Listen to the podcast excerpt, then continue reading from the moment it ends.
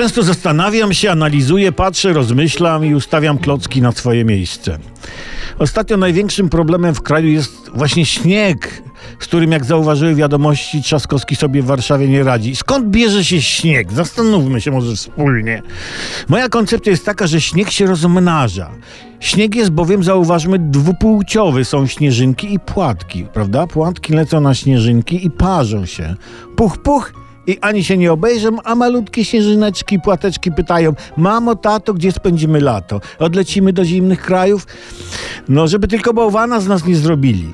A jeszcze niedawno było inaczej. Były braki śniegu przez wiele lat, pamiętacie? Bo ja pamiętam, jak w Wiśle miejscowi organizatorzy Pucharu Świata w skokach, tu nie będzie niespodzianki narciarskich, mieli kłopot ze śniegiem. Pamiętam taki tytuł w internecie: Wisła kupuje śnieg z Podhala.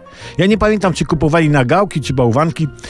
Wtedy, słuchajcie, to były takie czasy, gdzie zeszłoroczny śnieg był w cenie.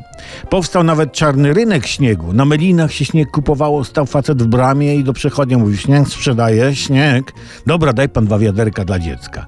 A teraz jest śniegu w nadmiarze. Szczególnie podobno katastroficznie zasypało Moskwę.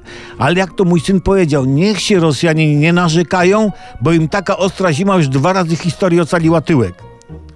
Kojarzycie Napoleon Stalingrad. Raz jest śniegu za mało, raz za dużo, nigdy w sam raz. Czy ktoś to kontroluje?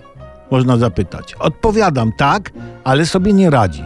Zatem e, kujmy śnieg póki gorący, bo jak go zabraknie, to będziemy tęsknili. Bądź kowalem własnego śniegu, człowieku.